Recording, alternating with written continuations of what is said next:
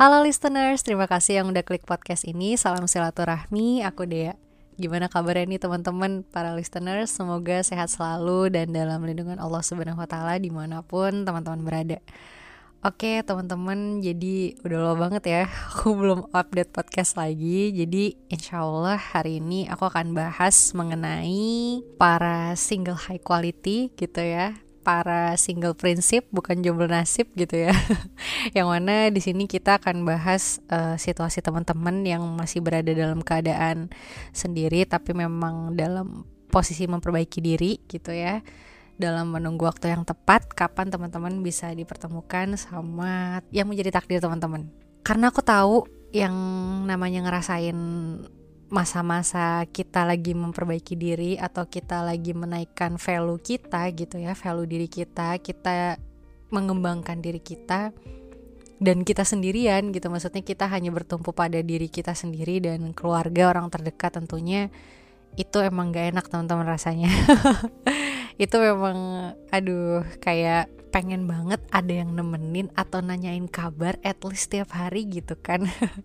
Cuman no worries teman-teman. Jadi di sini aku mau coba temenin kalian gitu ya melalui podcast ini dan sambil ngasih value lah ya apa aja sih yang bisa teman-teman upgrade selama masa ini. Apalagi ini kan udah mulai akhir tahun ya dan di tahun yang akan datang semoga kita terlahir jadi pribadi yang lebih baru lagi gitu ya yang lebih inspiratif lagi, yang lebih ceria lagi gitu ya dan kita membuka lembaran baru di tahun yang akan datang.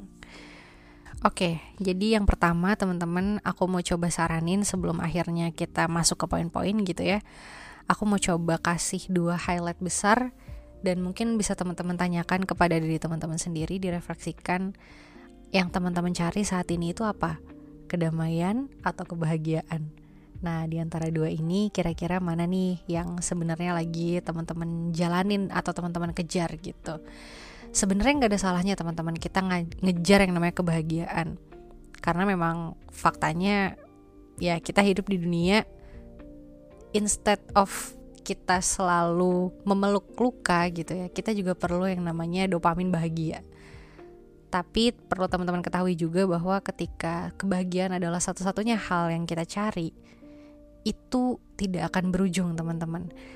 Betapa banyak orang yang punya uang jutaan atau miliaran bahkan tapi mereka nggak punya kebahagiaan dalam hatinya gitu kan. Karena ada yang hilang ada something yang lost gitu. Jadi alangkah baiknya kita jadi kebahagiaan itu bisa sesederhana mungkin. Bisa kita ciptakan dan bisa kita definisikan sesuai dengan kemauan diri kita sendiri. Jadi teman-teman sebenarnya kedamaian itu kan adanya di tenang ya. Dan kalau dalam Al-Qur'an, ketenangan itu konsepnya itu diberi, bukan dicari gitu. Jadi sebenarnya tenang itu udah ada bahkan diturunkan gitu. Huwaladzi anzala sakinata fi qulubihim. Huwaladzi anzala sakinata itu Allah yang menurunkan rasa tenang liyazdadu imana ma imanihim untuk menambahkan keimanan di atas keimanan gitu lah. Jadi sebetulnya sejatinya yang namanya ketenangan itu bukan dicari tapi diberi teman-teman karena sakinah itu adalah akibat yang mana ketika kita cari di mana pun itu itu nggak ada gitu. Jadi kita harus mencari tahu gitu ya, di mana nih kita bisa mencari ketenangan itu sebenarnya aku sempat diskusi teman-teman sebelum akhirnya bikin podcast ini sama salah satu uh, narasumber kepercayaan yang biasanya aku ajak diskusi juga gitu ya mengenai peran anak muda saat ini. Cuman kalau misalkan aku bahas terlalu dalam ini kayaknya bakal berat gitu ya. Jadi uh, aku coba bahas uh, sedikit aja gitu ya. Jadi gini teman-teman. Sebetulnya ada interpretasi dari surat Al-Kahfi innahum fityatun amanu bi rabbihim wazidnahum huda. Ini dalam surat Al-Kahfi, teman-teman boleh cari sendiri ayat berapa ya. jadi di sini oke, okay, jadi gini teman-teman, innahum fityatun. Fityah ini kalau dalam bahasa Arab ini artinya pemuda, teman-teman. Tapi ada beberapa definisi, maksudnya kalau dalam bahasa Arab itu kan biasanya satu pemuda itu bisa banyak ya, ada syabab, ada fata, ada rijal gitu ya, dan lain-lain. Dan di sini Al-Quran menggunakan fit ya, yang mana di sini anak muda yang masih kuat, yang masih tangguh, yang punya semangat yang luar biasa itu fit ya, fata. innahum fityatun. Jadi mereka itu adalah pemuda yang punya semangat kuat semangat hebat gitu ya. Mereka masih muda masih tangguh ya. Sama seperti kita juga masih sama-sama jadi pemuda. Tapi yang membedakan antara pemuda Sabul Kahfi dan pemuda kita adalah innahum fityatun amanu birobbihim mereka adalah pemuda-pemuda yang beriman kepada Robnya. Mereka adalah pemuda yang beriman kepada Tuhannya gitu ya. Ya, coba kita refleksikan apakah kita masih beriman kepada Tuhan kita. nah, di sini gitu ya yang membedakan antara fitiahnya Ashabul Kahfi dan fitiahnya kita. Sampai akhirnya di sini ada salah satu permasalahan gitu ya ketika kita tidak memperbaharui iman kita kita tidak mengisi diri kita untuk bisa meningkatkan iman kita kepada Rob kita, maka yang lahir adalah kehilangan dari sisi ketenangan atau kedamaian itu sendiri yang ada dalam hati kita gitu. Itulah yang menyebabkan banyaknya anxiety di luar sana gitu ya, banyaknya ke overthinkingan, kita kebingungan. Jadi kita menggalaukan sesuatu yang sebetulnya selayaknya sejatinya itu tidak perlu kita pusingkan gitu ya. Instead of kita memikirkan hal yang sebenarnya kita nggak perlu lakuin sebenarnya kita alangkah baiknya untuk lebih banyak bersyukur teman-teman. Kayak gitu. Dan kalau misalkan uh, kita lanjutkan gitu ya di sini innahum fityatun amanu bi wazidnahum huda. Maka ketika mereka beriman kepada kami gitu ya kepada Robnya maka akan kami tambahkan kepada mereka petunjuk jadi itulah yang membawa mereka akhirnya ke goa gitu ya. Yang mana jadi kan Ashabul Kahfi itu pada masanya teman-teman pemuda-pemuda tersebut hidup di fase di mana mereka dalam suatu pemerintahan atau dalam suatu kerajaan ya yang mana pemimpinnya itu tidak taat, tidak beriman gitu ya. Tapi karena semangat mereka dan ke apa ya tingkat keimanan mereka kepada Robnya yang luar biasa gitu. Mereka mempertahankan tauhid mereka mereka mempertahankan hal-hal yang menjadi uh, kebaikan gitu ya. Mereka tanamkan dalam hati mereka. Jadi mereka benar-benar kepercayaan kepada Allahnya tinggi akhirnya Allah berikan petunjuk. Jadi mereka di, diberikan uh, apa ya tidur ya nikmat untuk bisa tidur di dalam gua selama selama 309 tahun ya dalam sebuah riwayat yang rojih atau sahih. Dan di sinilah yang membuat mereka terselamatkan. Jadi ketika mereka terbangun akhirnya mereka itu sudah uh, kondisi di mana orang-orang di situ sudah pada beriman gitu. Jadi sudah tumbang lah itu generasi-generasi yang tidak berimannya gitu ya Nah, poinnya adalah di sini gitu ya, karena kita semua di sini sama-sama generasi yang masih para listeners ini mencoba untuk menjadi pribadi yang lebih baik lagi gitu ya. Jadi, mari kita coba tanamkan kita ingat lagi bahwasanya ketenangan itu sejatinya sudah diberi dan kita harus cari tahu di mana ketenangan itu gitu kan. Dan sebetulnya ketenangan itu terdapat dalam iman gitu ya. Nah, gimana nih caranya iman itu bisa didapat gitu. Atau sebenarnya kalau bahasanya Ustadz Noman iman itu bukanlah hal sesuatu yang selalu kita kantongin tapi itu adalah suatu hal yang harus selalu kita perbaharui kembali gitu ya supaya dampaknya adalah kita bisa mendengarkan kembali nasihat, masukan, arahan kepada diri kita. Yang pertama teman-teman, eh, aku sarankan teman-teman coba mencintai diri sendiri. Balik lagi ke diri sendiri dulu gitu ya. Kita coba penerimaan diri. Pentingnya kita untuk tidak selalu bergantung kepada siapa pun orang-orang di sekitar kita, apalagi kepada kehadiran pasangan gitu ya, yang belum tentu tahu dia datangnya kapan. Dan coba kita diskusikan strategi kita untuk membangun rasa percaya diri kita dan kebahagiaan yang sumbernya dari dalam, bukan dari luar. Karena motivasi atau kebahagiaan kayak apa pun yang mungkin dia sampaikan saat ini kepada teman-teman itu adalah pemantik teman-teman. Jadi yang pure itu adalah dari dalam diri sendiri dan coba teman-teman pahami gitu ya pahami lebih dalam lagi diri teman-teman itu seperti apa kekurangannya apa kelebihannya apa kenali diri teman-teman dan oke. Okay, sehingga teman-teman tahu apa yang menjadi kebutuhan di diri teman-teman dan insya Allah ketika teman-teman ada di posisi ini teman-teman akan lebih mudah untuk menemukan orang yang tepat gitu ya Kemudian selanjutnya teman-teman bisa mencoba untuk menjalani rutinitas yang teman-teman suka jalani passion atau hobi yang teman-teman senengin gitu ya. Cari waktu yang waktu luang lah ya. Cari waktu luang untuk bisa memperbaiki diri mengembangkan diri. Jadi lakukan hal-hal yang selama teman-teman masih satu kepala gitu ya belum dua kepala atau tiga kepala itu teman-teman bisa lakuin dengan happy karena gini sebenarnya terkadang nih ya kita kayak ngerasa ih enak banget ya udah punya pasangan enak banget ya udah nikah atau udah punya anak misalkan.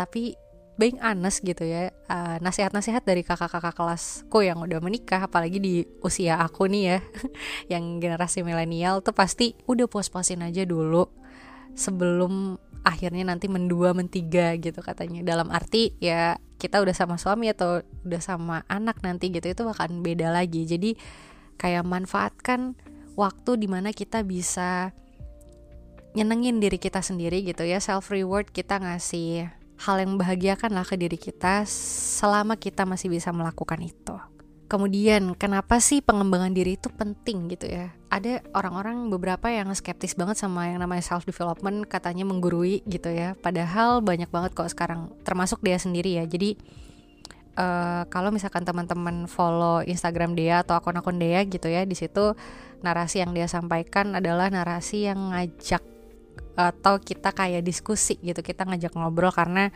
dari dia pribadi dia juga orangnya nggak suka yang terlalu di apa ya terlalu didoktrin atau didikte harus A ya A B ya B dia juga sebenarnya kurang suka teman-teman jadi karena dia nggak suka digituin maka dia juga nggak gituin orang gitu.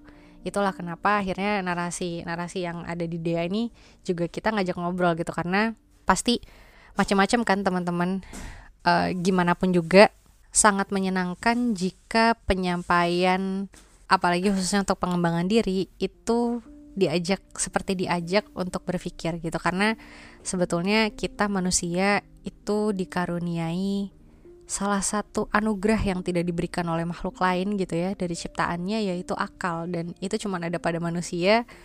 Jadi uh, itulah yang membuat dia sangat kagum ya dengan anugerah ini. Maka hal apa pun yang menurut dia bisa dioptimalkan jadi dia ajak teman-teman untuk berpikir gitu ya Dan selanjutnya mungkin ini teman-teman bisa coba untuk menangani tekanan sosial.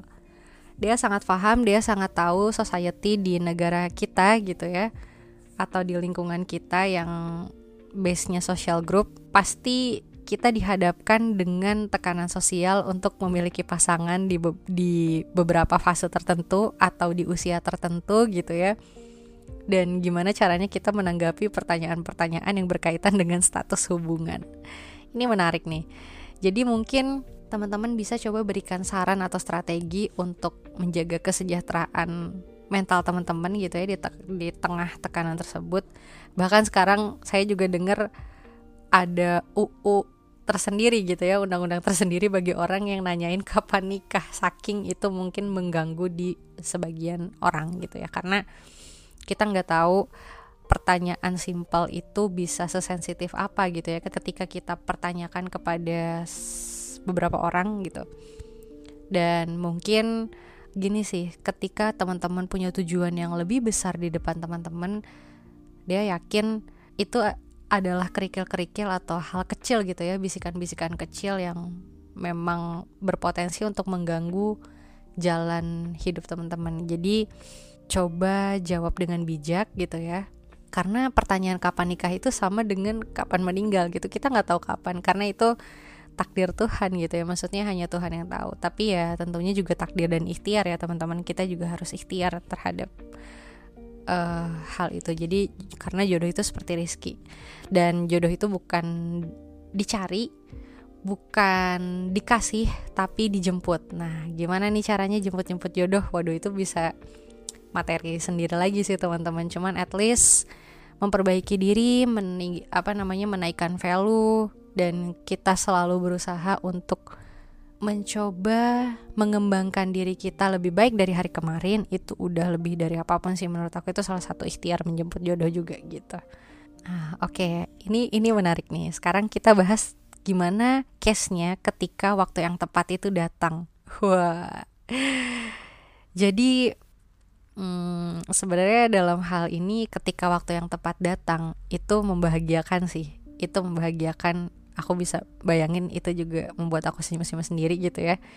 Jadi kita coba ketika kita fokus pada diri sendiri bukan berarti kita menutup diri dari peluang masuknya cinta gitu ya teman-teman.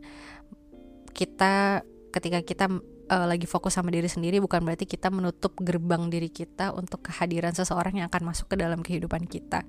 Jadi alangkah baiknya teman-teman juga membuka kesempatan gitu ya uh, kenalan coba betul-betul diselami gitu ya apakah sebesar mana teman-teman bisa menerima orang yang bakal hadir ke kehidupan teman-teman gitu ya. Dan ketika waktu yang tepat itu datang hubungan yang akan teman-teman jalin itu akan mengalir begitu aja teman-teman. Hubungan itu akan datang secara alami. Ini menarik. Jadi beberapa bulan yang lalu uh, mungkin sebulan yang lalu lah ya saya ada lewat gitu di postingan saya.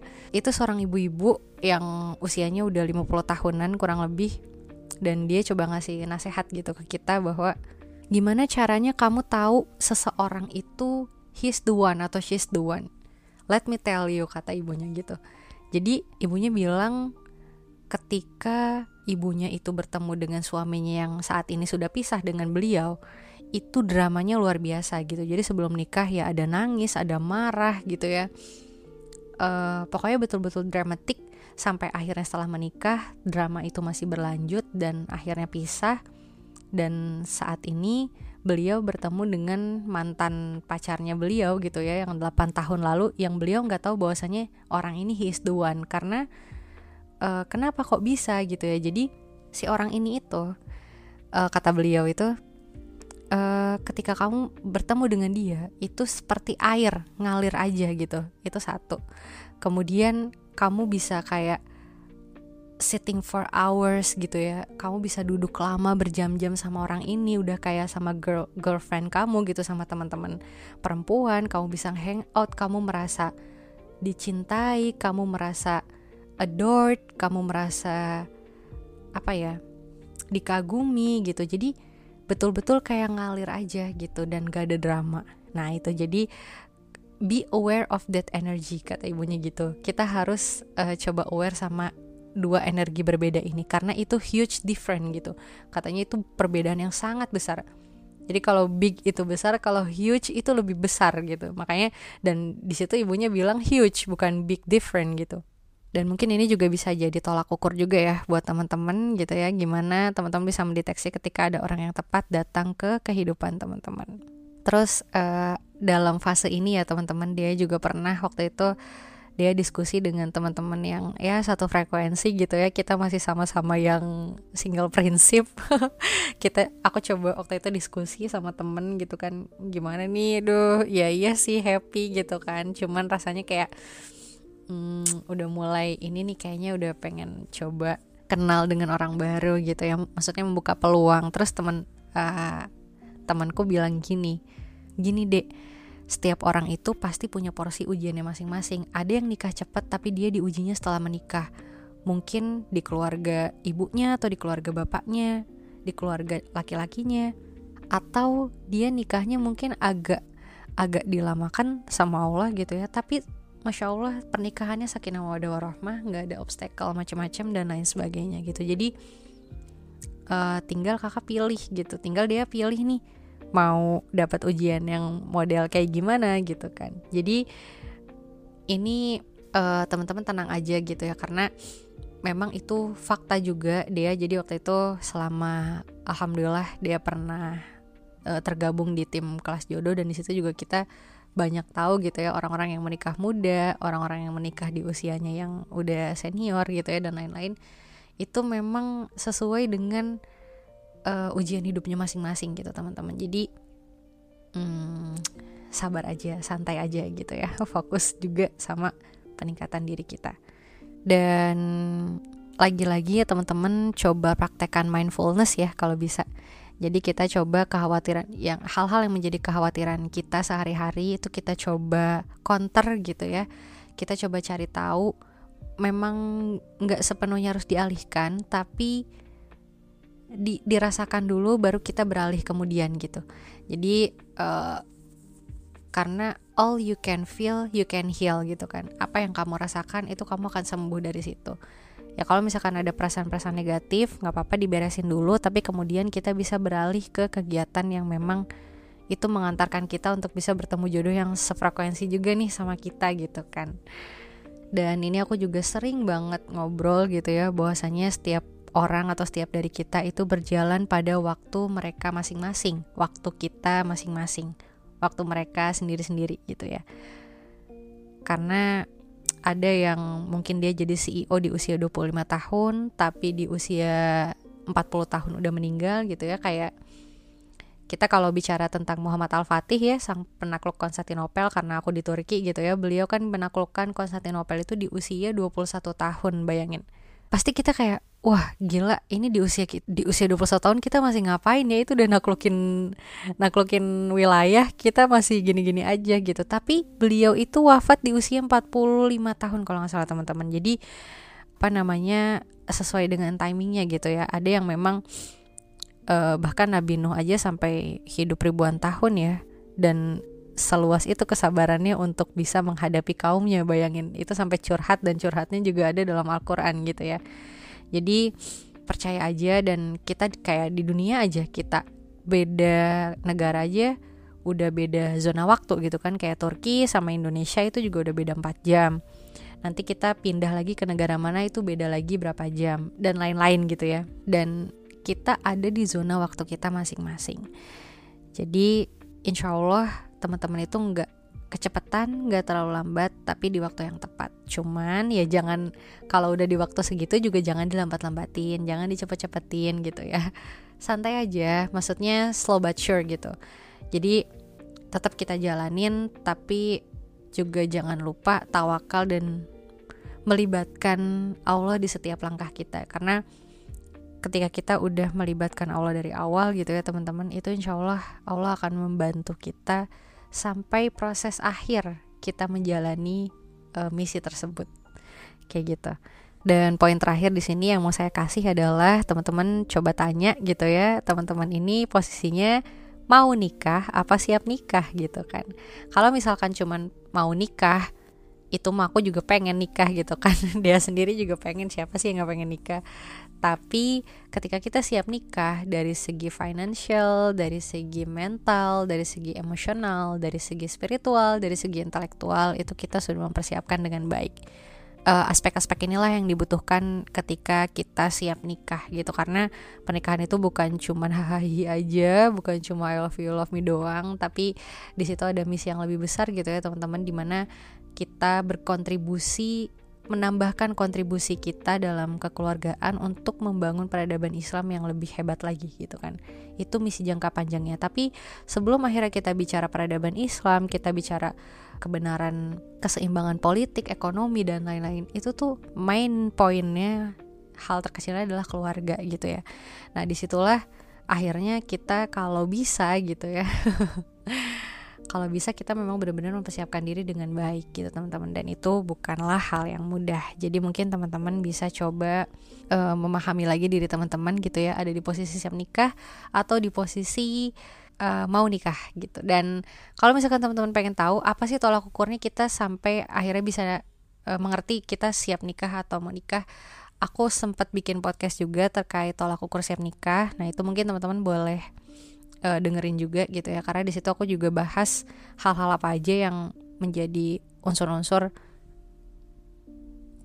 dan menguatkan kita supaya um, ya kita berkontribusi untuk negara yang lebih baik lah di Indonesia gitu ya. Kita nggak nggak sia-sia jadi pemuda gitu. Apalagi kita bakal ngadepin bonus demografi dan harapannya kita bisa jadi bangsa yang lebih maju lagi dibandingkan sebelumnya dan mungkin itu aja yang bisa aku sampaikan. Jadi uh, jangan cepat-cepat nyari jalan keluar atau solusi gitu ya dari situasi teman-teman yang resah dalam kesendirian ini gitu ya.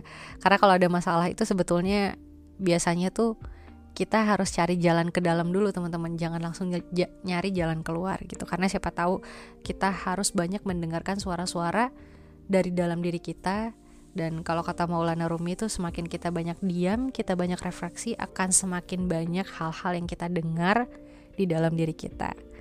Semangat teman-teman semua. Aku tahu situasi ini gak mudah, tapi aku berharap lagi-lagi teman-teman diberikan kemampuan untuk mengarungi kehidupan yang sedang teman-teman jalani saat ini.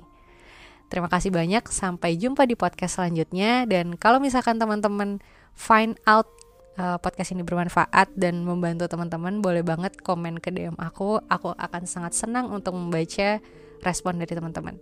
Jazakumullah khairan. Wassalamualaikum warahmatullahi wabarakatuh.